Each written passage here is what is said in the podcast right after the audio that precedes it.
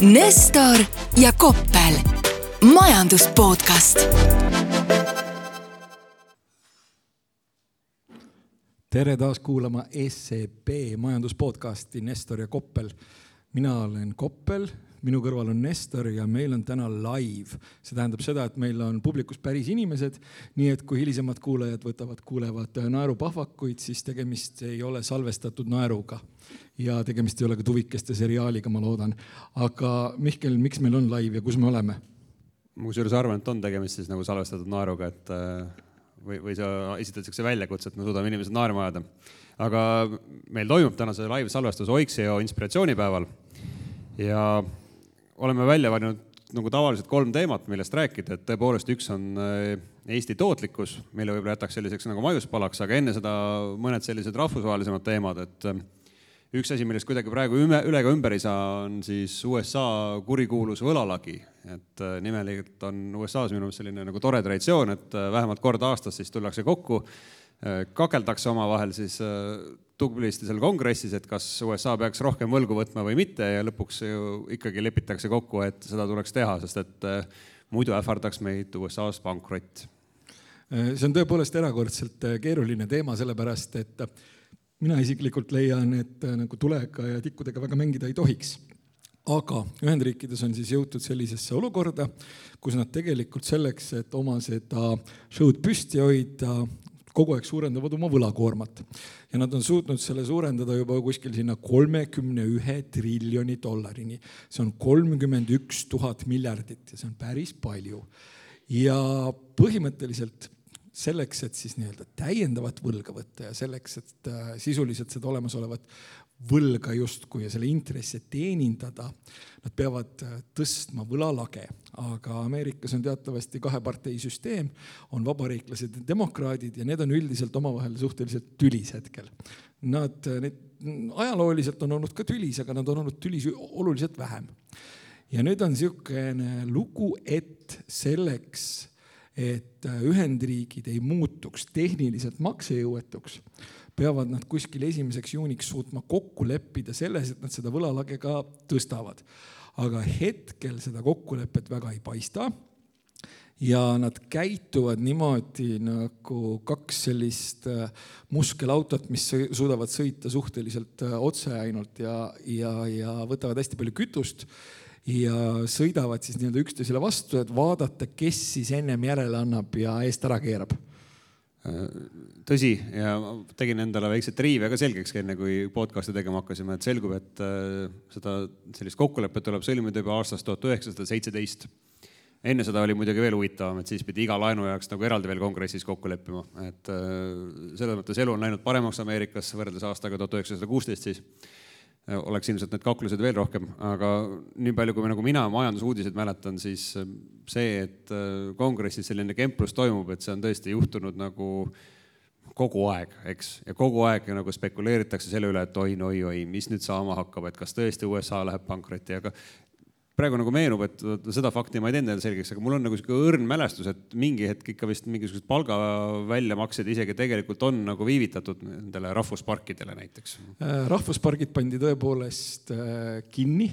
ja põhimõtteliselt on eksisteerinud selline olukord, kus siis äh, ka mingisugused minu meelest riigipalgalised tegelased, nende palk veidikene hilines. jah, noh, loomulikult siin tuleb aru saada sellest, et kui me mõtleme sellisele asjale, et Ühendriikide nii-öelda maksejõuetus, siis see on selline, see on selles mõttes tehniline küsimus, et ikkagi suhteliselt ebatõenäoline on sellise riigi mak maksejõuetus, mis trükib iseenda raha ja mille raha nagu kõik aktsepteerivad. ja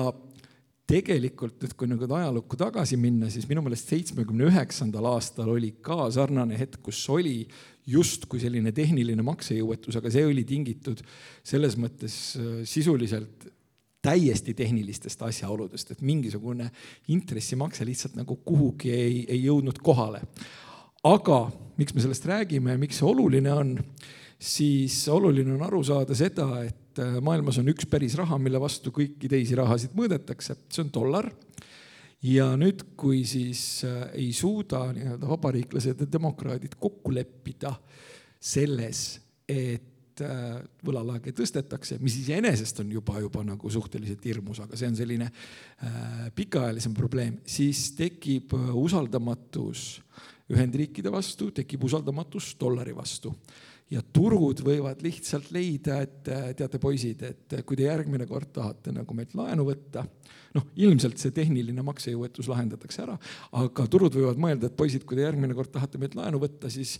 arvestades sellega, et te ei oska nagu täiskasvaniku, täiskasvanu moodi käituda, siis me küsime teilt lihtsalt rohkem in, äh, intressi. Ja siis tekib jällegi küsimus, et okei okay,, aga kuidas see majandust mõjutab, siis selline reitinguagentuur nagu Moody's tegi väikese kalkulatsiooni, ütles, et kui võlalage ei tõsteta, kui Ühendriigid lähevad tehnilisse maksejõuetusse siis aktsiad kukuvad kakskümmend protsenti, majandus kukub äh, neli protsenti ja töötuid tuleb juurde seitse miljonit. aga no minu jaoks kõik see ikkagi tundub nagu selline totaalselt hüpoteetiline, et me kõik teame, et äh, nagu troonide mängus on ju, Lannister maksab alati oma võlad, siis äh, USA ka alati lõpuks jõuab sellele kokkuleppele, et tõstame seda võlapiiri ja, ja elu läheb edasi, et noh, see tundub kõik nagu natuke niisugune näiline või, või mängulik Äh, see tegelikult on näiline või mängulik, sellepärast et äh, nagu üleüldse arenenud maailmas viimastel aastatel poliitikutega tundub, et nagu täiskasvanut ei ole toas. et seal on ka praegu hetkel selline hetk, et kus nagu täiskasvanut ei ole toas ja kui siis hakatakse mõtlema võib-olla ka nende samade rahvaesindajate poolt ühel hetkel, et see mõjutab nii-öelda minu tulevikku, see mõjutab nii-öelda sellest, seda, kuidas inimesed minust aru saavad, mind tulevikus valivad, et see võib-olla motiveerib neid äh, ühel hetkel nii-öelda mõistlikult käituma. mitte see, mitte loomulikult see, et Ühendriikide võlg kolmkümmend üks triljonit või siis ühel hetkel veel, veel kõvasti kõrgem, et see kuidagi normaalne oleks. aga no sellega ei ole midagi teha, see rong on läinud ma just tahtsin öelda, et ma võin teha sellise ülitäpse prognoosi, et äh, täpselt samasuguseid diskussioone me hakkame nägema ka veel kogu oma e-, elu jooksul siin ülejäänud aastatel. Ja mida me ka näeme kindlasti, et see kolmkümmend üks triljonit tundub üks hetk väga väike summa, et kui vaadata, mis see nagu päris probleem on, et mille pärast on ju seda võlalage tuleb tõsta, on ju see, et USA eelarve puudujäägid on aina suuremad ja lugesin mingisugust analüüsikest selle kohta, et on olemas selline tore väike ametnike koda siis seal kongressi juures nimega Kongressi eelarvebüroo, kes siis kalkuleerib, et kui palju riik peab laenu võtma ja üldse, mis ütleme siis USA riigi rahanduse väljavaated on, siis äh, tuleb öelda, et nigelad. et kui siin äh, ütleme traditsiooniliselt, kui me vaatame viimast poolt sajandit, siis on USA-s eelarve puudujääk olnud kuskil kolm pool protsenti siis eelarvebüroo ametnikud ütlevad, et äh, lähema kümnendi jooksul saab see olema keskmiselt kuus protsenti, mis äh, ütleme, konservatiivse eestlase jaoks tundub ikkagi nagu täiesti üüratu eelarve puudujääk. ja, ja seejuures nemad ei ole veel arvesse võtnud siis seda, et sinna võib ka võib-olla mõni majanduslanguseke äh, sisse vupsata, mis tähendab seda, et see eelarve puudujääk kujuneb tegelikkuses veelgi suuremaks ja, ja nemad usuvad, et kui täna ütleme noh, see kolmkümmend üks triljonit, mis tundub ka nagu uskumatu summa, et kui see on umbes sada kakskümmend protsenti USA SKP-st, et siis kuskil sajandi keskpaigaks peaksime jõudma kahesaja viiekümne protsendini SKP-st, mis, mis jällegi noh, tundub täielik ulme. See tõepoolest tundub täielik ulme ja, ja noh, mitte midagi ei ole jällegi parata siin hakkab minu selline ajaloo huvi ja eriti pikkade graafikute huvi minu, minu und ära rikkuma, sellepärast et ma jõuan jälle selle mõtteni, et mitte ühtegi sellist hiiglaslikku riigivõla probleemi ei ole mitte kunagi jutumärkides ära lahendatud ilma selleta, et oleks inflatsioon ja siis see inflatsioon oleks suur, aga selle eest kestaks kaua. Jah, ja no eks ta jääb ju ka kogu aeg sellise kirvena sinna nagu õhku rippuma, et noh, eriti USA-sugune riik, kes tõesti oma enda raha trükib, et noh, seal ju nagu sa ütlesid, et see võlakoormus noh, tegelikult see on lihtsalt mingisugune number, on ju. aga mida suurem see võlakoormus on, seda rohkem on selle üle spekulatsioone, pidevat sellist ebakindluse tekitamist ja noh, see paratamatult jätab ka eile tõesti siis laenamise hinnale näiteks. no muidu öeldakse jah, et uh, buy dollars, wear diamonds. nüüd ma ütleks lihtsalt, et uh, wear diamonds kaunis ja ma üritan ka tõsiselt jätkata, et siis nagu sa mõtled nüüd et, et kakssada viiskümmend protsenti SKP-st on siis riigivõlg, et ega see raha ju kuskilt peab nagu tulema. ja eks ta tuleb ju erasektori arvelt sisuliselt, et selle tõttu jäävad mingid erasektori projektid võib-olla finantseerimata. tootlikkus, meie tänane märksõna, see, see väheneb, tootlikkuse kasv pidurdub, kuna ei saa teha erasektor piisavalt investeeringuid. no ma jõuan jälle sinna, et noh, ütleme mul hakkab selline varahaldur jälle sees tööle ja ma hakkan mõtlema, et noh, et kes annaks ka näiteks sellistele tegelastele, kes üldse käituda ei oska ja kogu aeg oma defitsiite kasvatavad, no kes annab neile nagu kümneks aastaks näiteks viie protsendiga laenu ühel hetkel. no ei taha anda, tahaks ikka natuke rohkem saada juba, sellepärast et riskid on üleval. no USA vast ikka lõpuks saab aga teeks siitkohalt teemapöörde ja läheks, läheks võib-olla Peetri Meelis teema juurde, et äh, kuidas kapitalistid teenivad alusetult äh, liiga suurt raha ja kuidas see suur raha nende käest ära võtta. nimelt äh, mind nagu inspireeris seda teemat sisse panema kõigepealt muidugi see, et sellega saab Koppelit närvi ajada, aga ka see, et meil siin Balti naaber Leedu just kehtestas hiljuti siis nii-öelda pangamaksu, et siis pankade ülemäärased kasumid ära võtta, et nimelt vaadatakse siis Leedus edaspidi seda, et Äh, kui vaadata pankade viimase nelja aasta kasumeid, äh, mis on see keskmine kasum olnud ja kuidas see kena sõnastus seal üle oli, et, äh, et see kasumi osa, mis ületab rohkem kui poole võrra seda viimase nelja aasta keskmist kasumit, sellest siis omakorda kuuskümmend protsenti võetakse ära. ehk siis, siis tundub, et mingid tegelased on liiga palju kasumit hakanud teenima ja tuleks see raha ära võtta ja, ja see mõtteviis ei ole midagi uut siin Euroopas on ju, et isegi Euroopa Liidu tasandil siin veel vahepeal lubati energiaettevõtetelt see ülemäärane kasum ära võtta, et nüüd on nagu järgi jõudnud pankade kätte, aga mul tekkis kohe küsimus, et kes see kolmas võiks olla veel? IT-ga on ka vahepeal nagu liiga kasumlik minu meelest, et võiks ka midagi ära võtta kusjuures ma arvan, et ähm, see fantaasia on ilmselt võimul oluliselt parem, et kellelt nagu rohkem, rohkem raha jälle kätte saaks. aga iseenesest kogu see kontseptsioon tundub mulle nagu mahlaselt absurdne. see tundub mulle mahlaselt absurdne sellepärast, et äh, mikspärast äh, teenisid äh, pangad viimasel ajal suhteliselt head nii-öelda kasumit. Nad teenisid sellepärast, et teatud valitsused laenasid ennast maksejõuetuks siis keskpank hakkas raha trükkima, siis juhtus veel paar paha asja, tuli inflatsioon ja keskpank hakkas äh, hästi kiiresti intresse tõstma. ja just nimelt selle hästi kiiresti intresside tõstmise pärast on pankadel nii-öelda kasumid suured. Äh, see on esimene asi, et ise teeme keskkonna, kus siis otsustaval hetkel keegi teenib palju kasumit, siis ütleme, et võtame selle ära. noh, siin justkui nagu oleks mingisugune loogika aga kui needsamad keegi teevad mingisuguse keskkonna, kus mingisugused tegelased võtavad, äh, genereerivad kenasti miinust, siis ei pruugi olla väga seda, et nii-öelda sealt mingisugune kompensatsioon tuleks. ja teine asi on see, et kui vaadata ajaloolist kogemust, siis ajalooline kogemus äh, kipub ütlema seda, et sellised nii-öelda äkilised üllatuslikud ja tüütuvõitu maksud annavad umbes viiendiku selle maksutulu, mis nagu äh, oodati. see on üks aspekt ja teine aspekt on see, et kui sa ikkagi nagu pangalt raha ära võtad, siis see tähendab seda, et sa niimoodi saed võib-olla tema niimoodi kapitalitabureti natukene lühemaks ja see tähendab seda, et tal on vähem võimekust ja vähem tahtmist äh, laenu anda kui ma nüüd kirjutaks selle peale arvamusloo ajalehest nimega Guardian, siis ma tahaks selle peale öelda, et äh, sa oled selline tüüpiline pankurist, äh, monopolist, kes siin rasketel aegadel teenib oma hiiglaslikku kasumit selle arvelt, et inimesed äh, peavad elama näljas, pimedas toas, tulevad vaevu ots otsaga kokku ja sina räägid mingitest pankade kasumite ülimuslikkusest ja need, neid ei tohi puutuda. ja kui mina kirjutaksin arvamusloo Daily Telegraphi näiteks, siis ma ütleksin selle peale, et mitte midagi ei ole parata. tasapisi on tekkinud tunne, et inimeste ootused avalikku äh, nii-öelda avalikele teenustele, et see nõudlus on sisuliselt lõpmatu, see on samamoodi nagu meditsiiniteenustega, et see nõudlus on lõpmatu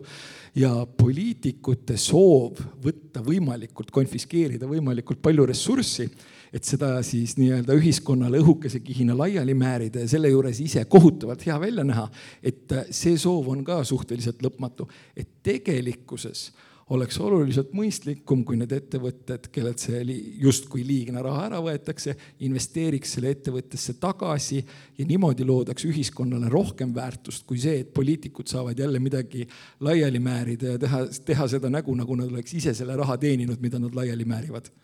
Nagu Peeter, ka sina ju tahad, et Eestis oleksid teed paremad näiteks, et sa saaksid autoga sõita, jalgrattaga sõita äkki ja... peaks ka ära võtma ikka midagi, ma just vaatasin, et äh, niisugune prognoos on, et äh, Eestis niisugune äh, väga ümmarguselt võiks sellel aastal pankade kasumid kokku tulla umbes üks miljard eurot. et no sealt annab ka ikkagi nagu midagi ära võtta, mulle tundub jah, aga siin tekibki jällegi see küsimus, nagu ma just mainisin, et noh, et sa kapitalitabureti äh, saed ja siis peaks nagu mõtlema sellele, et noh, siis väheneb see laenu andmise võimekus ja krediidiressursi kättesaadavus majanduse toimimise kontekstis on oluline. samamoodi on oluline see, et milline on siis nii-öelda see majanduskeskkonna stabiilsus et ühel hetkel võtavad, hakkavad äh, välismaa onud ka vaatama, et kuulge, mis äh, sotsialistlikke eksperimente te seal teete, et võib-olla äkki teie riigi laenu intress ei peaks olema neli, paneks mingi kuus pool no saame Leedu peal näha, aga ega see, ütleme ka minul tekibki see, kus minul see moraalse dilemma hetk tekib, on see, et no ühelt poolt, kui ma mõtlen maksustamise peale, et äh, raha on mõistlik võtta sealt, kus seda raha on ja kus ta ei oma võib-olla kõige nagu tootlikumat äh, perspektiivi, et äh, noh, mitte et me siin pangas või kuskil energiaettevõttes ei oska selle rahaga midagi pihta hakata, aga no päeva lõpuks ma arvan, et sellele leiabki võib-olla mingit mõistlikumat rakendust kui siis panga või energiafirma kasum. Aga, aga täpselt see, et äh, kus sa siis nagu selle piiri paned või et äh, mis siis see maksustamise alus on, et täpselt see, et kui sulle tundub kuskil mingil hetkel, et seal on nagu natuke liiga palju, et võtame ära. Ja, ja see paneb kahtluse alla sellise üldise nagu õigusriigi põhimõtte jah, ja siin on veel see aspekt, et äh, teatavasti äh, riik kipub opereerima sellise eeldusega, et kui nad midagi teevad, et siis sellel mingisuguseid teiseseid mõjusid kunagi ei ole. sellepärast ka mõjuanalüüse ei koostata, sellepärast et teiseseid mõjusid ei ole. aga ajalooliselt oli Ühendriikides kaheksakümmend kuni kaheksakümmend kaheksa oli ka energiaettevõtetele selline nii-öelda liigse kasumimaks. noh, nagu öeldud, seda esiteks koguti kohutaval kombel äh, nii-öelda vähem ja üldiselt äh, tänaseks on äh, võib-olla ka sellised rohkem äh, Daily Telegraphi või muid viisakaid ajalehti lugevad majandusanalüütikud leidnud, et see tekitab sellise mm, nõiaringi, et oletame, et meil on mingi ressurss kallis, näiteks nafta ja siis energiaettevõte teenib palju kasumit, siis me võtame talt selle nii-öelda justkui liigse kasumi ära, siis ta investeerib vähem, investeerib vähem pakkumise kasvu, mis tähendab seda, et see ressurss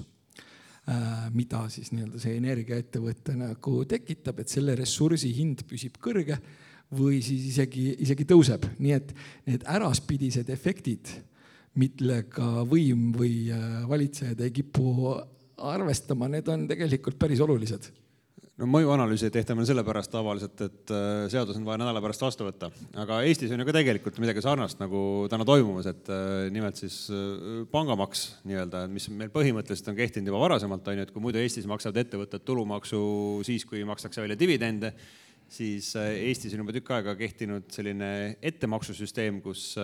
tegelikult pankade käest on, kes maksavad stabiilset dividendi, on küsitud seda neljateist protsenti nii-öelda kohe kätte, kui seda kasumit teenitakse aga nüüd äh, tundub, et äh, olukord muutub läbi selle, et äh, see neliteist protsenti kasvab kahekümne kahe protsendi peale. E, ja ainsa sektorina siis Eestis tõesti hakkavad ettevõtte tulumaksu tasuma pangad. Ja noh, mille peale samamoodi siin Pangaliit on öelnud, et halloo, et see on põhimõtteliselt kapital, mida me ei saa enam rohkem Eesti majandusse välja laenata. ja sellega me kokkuvõttes tegelikult Eesti majandust kahandame jah, tõepoolest, et see on natukene selline kummaline lähenemine, et mina tänasel Dis. päeval. Disclaimer ka, et tema ei tööta pangas. jah, mina ei tööta pangas, mina olen täiesti, täiesti nii-öelda vaba ja õnnelik inimene hetkel ja, ja ka mina vaba ja õnneliku inimesena arvan, et see idee ei ole kõige nutikam no hea küll, äh, piisavalt äh, pankurite raskest elust, et läheks siis selle tänase peateema juurde, meelisteema juurde ehk siis Eesti tootlikkuse kasv ja noh, mis see nagu kokkuvõttes on, on ju, et see on see skp või, või kogu see lisandväärtus, mis me siin majanduses teeme, jagatuna siin töötavate inimeste arvuga. ja kui me oleme siin pidevalt ülespoole nühkinud, jõudsime siin vahepeal isegi kaheksakümne protsendi peale, siis äh, tänu sellele, et eelmisel aastal kummalisel kombel kuidagi Eesti skp ainsana Euroopas vähenes, äh, tegime hoopis väikse tagasikukkumise ja oleme seal kuskil natuke üle seitsmekümne protsendi peal Euroopa Liidu keskmisest tootlikkusest, mis äh, mis ei, teps mitte meid ei rahulda? Äh, ta ei saagi rahuldada ja tõepoolest, et noh, siin on paljudki, pakuks, et siin on ka paljudki ikkagi ajaloolised põhjused, et äh, kui nüüd mõelda, et kui äh, kaua on olnud näiteks Lääne-Euroopal aega nagu selle tootlikkuseni jõuda ja kui kaua on olnud meil aega, siis Lääne-Euroopal on aega olnud aastast circa nelikümmend viis ja meil circa aastast üheksakümmend üks. nii et ma arvan, et see meil veidi üle kolmekümnega saavu-, kolmekümne aastaga saavutatud nagu äh, kuni ligi kaheksakümmend protsenti Euroopa Liidu keskmisest on tegelikult päris hea. aga päris hea ei tähenda seda, et seda parandada ei saaks aga tead, et on olemas ka üks sektor, kus äh, Eestis on äh, tootlikkus oluliselt üle Euroopa Liidu keskmise. mis sa arvad, milline see on? ma tahaksin IT-sektorist rääkida, aga kui sa oled nii kavala näoga, siis see on ilmselt midagi muud. tegemist on äh, põllumajandusega ja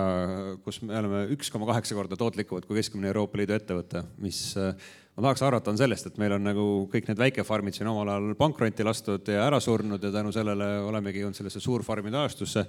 mis, mis ei ole juhtunud on igal pool Euroopas, et Prantsusmaal on ikka okei okay, kuskil nelja lehma pidada Mägikülas ma, ma ei ole sinuga selles kontekstis nõus, et mingi asi on pankrotti lastud, mingi asi on olnud. Laari valitsus. mingisugune asi on olnud majanduslikult Mart piisavalt. tegi seda. mingi asi on olnud majanduslikult piisavalt mõttetu, et on pankrotti läinud. aga siin on võib-olla ka asi natukene selles, et meile minu teada on need põllumajandustoetused olnud äh, väiksemad ja see on tekitanud sellise olukorra, kus on olnud selline meeldiv surve selleks, et äh, seda, see põllumajandus oleks nii-öelda võimalikult efektiivne. Ja siin äh, ilmselt äh, noh, ma, ma ei tea, meil on küll palju kuulajaid, aga siin ma võin öelda oma sellise toreda seisukoha välja, et ja noh, põllumajandustoetused on ilmselgelt nagu ajaloo kõige suurem turumoonutus, isegi rahatrükk on alles teisel kohal. Ja need tuleks teoreetiliselt ära lõpetada, aga see ei ole füüsiliselt võimalik ma arvan, et Eesti põllumees vist pigem tahab, et see tema toetus jõuaks sinna samale tasemele, kus ta on Prantsusmaal. aga muuseas, kas sa oskad ka arvata, et milline sektor on, ütleme, suhtelisel skaalal eriti vähetootlik Eestis võrreldes Euroopa Liidu keskmisega, et noh, kui ütleme, et me olime natuke üle seitsmekümne protsendi Euroopa Liidu keskmisest, siis selles konkreetses sektoris see tootlikkus on alla, alla poole sellest, mis ta Euroopas on. no sa kiusad mind sellepärast, et sul on ees arvuti lahti ja, min ja mina ei tea. töötlev tööstus ah soo, ehk siis põhimõtteliselt selle koha peal, kus äh, äh, sakslastel on vilkuvate tulukestega masin, mis teeb ise kõik ära, on meil kaks äh, ruuduliste särkidega onu. Meil on olnud ja ega me oleme seda teemat vist siin nagu käsitlenud ka, aga Eesti on tõepoolest selles mõttes põnev riik, et kui, kui tavaliselt, kui sa mõtled nagu töötleva tööstuse peale, siis tema panus majandusse skp näol on oluliselt suurem kui see, mis ta sealt ära võtab tööhõive näol siis Eestis on vastupidi, et äh, jube palju inimesi töötab seal, aga välja tuleb oluliselt vähem, kui me nagu töötunde sisse paneme. See on hästi imelik selles mõttes, et Eestis teatavasti on tööjõupuudus, mis põhimõtteliselt peaks ju tekitama just nimelt töötlevas tööstuses selge surve automatiseerimiseks jah, no tükk aega ma olen kuulnud seda juttu, on ju, et äh, ikkagi mees on odavam kui masin, aga, aga mis mina arvan, et mul on selline ka hüpotees olnud, mida ma ei ole kunagi viitsinud nagu väga põhjalikult kontrollida, aga, aga minu hüpotees on see, et tegelikult äh, mis mõjutab seda Eesti madalat tootlikkust töötlevas tööstuses, on ka see, mis tüüpi need tööstusettevõtted on. et kui ma mõtlen päris paljude nende peale, et aga ka väga suured ettevõtted, et äh, selle ettevõtte tegevjuhi näol on tegemist tegelikult tootmisdirektoriga, on ju. et äh, Eestisse tulevad mingisugused joonised siin sa pead selle asja valmis kokku keerama, kokku treima ja see saadetakse kuhugi riiki B, kus siis tehakse kogu see arendustöö, kogu müügitöö, kogu turundustöö. Ja Eestisse jäävadki ainult need äh, pigem vähe makstud äh, tavalise tööstustöölise palgad ja ei mingit kasumit ja, ja see on see põhjus, miks me, miks me näime sellised äh, väga vähetootlikud, kuigi noh, see tehnoloogiline pool iseenesest võib olla väga kaasaegne. Äh, kas me siit, kuidagi nii-öelda jõuame tagasi sinna ühe teemani, milles me oleme ilmselt aastaid juba ühelt me, ühel meelel olnud, et põhimõtteliselt Eestis oleks äh, vaja tekitada olukord, kus käidaks mööda maailma ringi, püütaks kinni mõningad eriti head õppejõud ja sikutataks need suhteliselt äh, lahkete motivatsioonipakettidega siia inimesi õpetama selleks, et äh, noh, äh, tekiks mingisugused,gi eeldused selleks, et kõik see, mis tehakse praegu ära kuskil mujal, tehtaks ära siin. See on sinu niisugune tuntud neoliberaali vastus, et tegelikult on see, et me peame välismaalastelt ettevõtted riigistama, võtame need ära ja hakkame ise selle müüma neid ja teeme ise turundust jah, teatavasti ajaloos sellele on väga palju äh, jutumärkides positiivset äh, pretsedente, nii et äh, jah, selle kohta ma ütlen küll, et palju õnne sellega. No ootan ühesõnaga järgmiseid Riigikogu valimisi, et sellega nagu siis ühe erakonna majandusministri portfell endale saada. aga, aga suures plaanis, ega mind väga huvitab tegelikult, et mis sellest töötlevast tööstusest Eestis ka saama hakkab, et, et noh, päriselt see on ju probleem, et kui tegemist on niivõrd vähetootliku alaga ja, ja noh, pikka aega ma olen kogu aeg mõelnud see, et noh, tead ühel hetkel see tootmistsehhiks olemine see ei ole enam nagu kasumlik tegevus, lõpuks see tootmine viiakse kuhugi odavamasse riiki või siis hoopis viiakse oma koduriiki tagasi ja seal automatiseeritakse. Aga pidevalt kõik need igasugused rahvusvahelised sündmused, mis me siin näeme no,, kipuvad tekitama tunnet, et uh, not today. see on Ukraina sõda, koroonaviirus, see kõik on uh, tekitanud tunde, et uh, needsamad suured Skandinaavia tööstusettevõtted, nad ei taha kuhugi väga kaugele minna, et Eesti on nende jaoks väga selline tore mugavustsoon, et hea küll, et palgakasv on kiire aga üldine palgatase ikkagi endiselt palju madalam, kui, kui ta näiteks Rootsis on ja seetõttu pigem on mõistlik see tootmine hoida Eestile lähemal, mis jällegi noh, meie tootlikku statistikat äh, nii-öelda tagasi hoiab. jah, aga siin ma ikkagi, kuigi tõepoolest äh, kõik need äh, Äh, asjaolud, mis sa välja tõid, on teatud mõttes nii-öelda globaliseerumist tagasi keeranud ja võib-olla ka sellised julgeolekuteemad on teatud tootmist äh, sundinud äh, tagasi lähemale tooma, siis ma siiski jätkuvalt leian, et absoluutselt igale lapsele tuleks esimesest klassist peale rääkida, et ükskõik kui hea sa oled, ükskõik kui osav sa oled, ükskõik kui hästi sa laulad, tantsid, tööõpetust teed ja ruutvõrrandit lahendad, maailmas on neli asiaati, kes teevad seda sinust viis korda paremini jah, aga siis tuleb nüüd asiaatide keisrikuningas ja ütleb, et enam ei tee no aga sellisel juhul, kui neil hästi läheb, siis neil on õnnestunud eh, emigreeruda mõningas, mõningatesse natukene vabamatesse riikidesse. et eh, soovitan eh, guugeldada seda, et kuidas näiteks Ühendriik, mis, missugused näevad välja Ühendriikide matemaatika olümpiaadidel osalevad tiimid ja, ja kui eriti hästi läheb, siis riigil õnnestub Taiwan ära võtta ja siis on probleem ka lahendatud. ei, siis, siis põhimõtteliselt, siis ma ütleksin, et siis hakkab suhteliselt pime aeg, sellepärast et äh, nagu me oleme ka varem seda arutanud, et Taiwanis osatakse teha kiipe. Kui neid kiipe mõnda aega ei saa, siis te istute oma iPhone neljateistkümne peal järgnevad viis aastat aga selle tootlikkuse teemaga jätkates veel, tegelikult üks valdkond on veel muuseas, kus Eestis on äh, mahajäämus tootlikkuses äh, noh, mitte nüüd nii suur, kui ta töötleva tööstuse puhul oli, aga päris märgatav. Ja ma rohkem ei küsi su käest, sa oled väga halb nendes vastustes olnud siiamaani. ma ütlen ära, et tegemist on info- ja sidesektoriga muuseas, äh, mis minu jaoks oli esmapilgul natuke üllatav, aga siis mul tuli meelde üks selline fakt, mis ma olin kunagi ammu avastanud, et noh, Eesti on hästi tuntud selle poolest, et meil on IT-sektori kasv olnud justkui nagu ülikiire ja meile meeldib kõvasti nagu rinnale prõmmida, et oi, me oleme eestlased siin geeniused IT-valdkonnas, vaata kui hästi me kõike teeme, startup'id, äh, kõik see. üks sarvikud, pool sarvikut. on ju, on ju, aga, aga kui sa vaatad, et kes veel on nagu need riigid, kus on tegelikult IT-sektori kasv äh, olnud peaaegu sama kiire, kui me räägime osakaalust nagu SKP-s, siis äh, tuntud IT-gasellid Rumeenia ja Bulgaaria on need olnud ja mis, mis pani mind kohe mõtlema, et tegelikult jällegi ilmselt see on selline valdkond, kus äh, tööjõukulu on äh, väga oluline argument, et hea küll, et meil on IT-sektoris äh, suurepärased palgad, aga kui sa võrdled seda IT-sektori suurepärast palka võib-olla IT-sektori keskmise palgaga Londonis, siis me räägime ikkagi väga erinevatest suurusjärkudest. Jah, ja no selles mõttes, et Rumeenia ja Bulgaaria arengutase on ka, eks ole, mõne meist mõnevõrra madalam. Ja ilmselt kui sa oskad nagu seal koodi kribada, siis sa äh, sooritad suhteliselt kiiresti läbimurde upper middle class'i ja aga, aga ja ütleme, et ka IT-sektori lõikes, et äh, noh, meil on tekkinud ükssarvikud, mis ma arvan, et on äh, suur, suur samm edasi selles tootlikkuse vallas, aga ka selline käsitööna selle programmeerimisteenuse osutamine, noh, ega see lõpuks kedagi ilmselt väga rikkaks ei tee, et äh, palk on hea, aga, aga lõpuks peab ikkagi enda ärimudeli välja mõtlema. Jah, ja lõpuks sa võtad, pead programmeerimise asemel mingisugusele huvitavale tehisintellektile suutma hoopis adekvaatseid prompte genereerida ja kui me räägime üldiselt sellest nagu, et noh, kuidas me seda Eestis seda tootlikkust kasvatame, siis äh, mulle tundubki, et noh, hästi palju on see aur läinud selle peale, on ju, et äh, tead, mõtleme siin välja mingeid ülikeerulisi tehnoloogilisi lahendusi, aga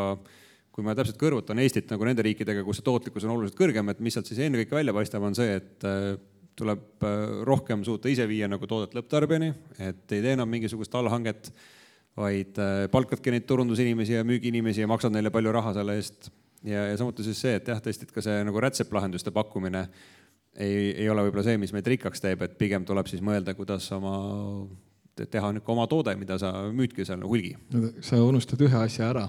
see on äh, erakordselt äh, nii-öelda plahvatusohtlik situatsioon või plahvast, plahvatusohtlik mõte ja, ja ma lihtsalt selle käin välja, sellepärast et see tehniliselt on nii. et äh, kui tuleb sisse piisavalt palju tööjõudu siis ju kasvab konkurents tööturul ja see tähendab seda, et et äh, ei pea enam inimestele nii palju palka maksma ja nad kohe ongi selle võrra tootlikumad vastupidi, siis sinu tootlikkus madala palga arvelt tuleb välja, vastupidi, me peame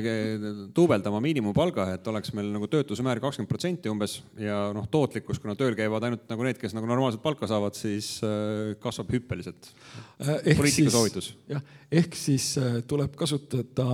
seda strateegiat, mida mõningad äh, välisettevõtted kasutavad Eestis juba kakskümmend aastat. tuleb võtta ühe inimese töö, ühe inimese palga eest tööle kaks inimest kes teevad ära viie inimese töö. meie olime Nestor ja Koppel ja kuulake meid järgmine kord jälle. aitäh kuulamast.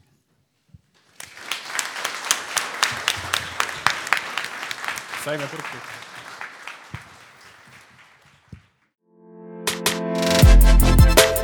Nestor ja Koppel, majandus podcast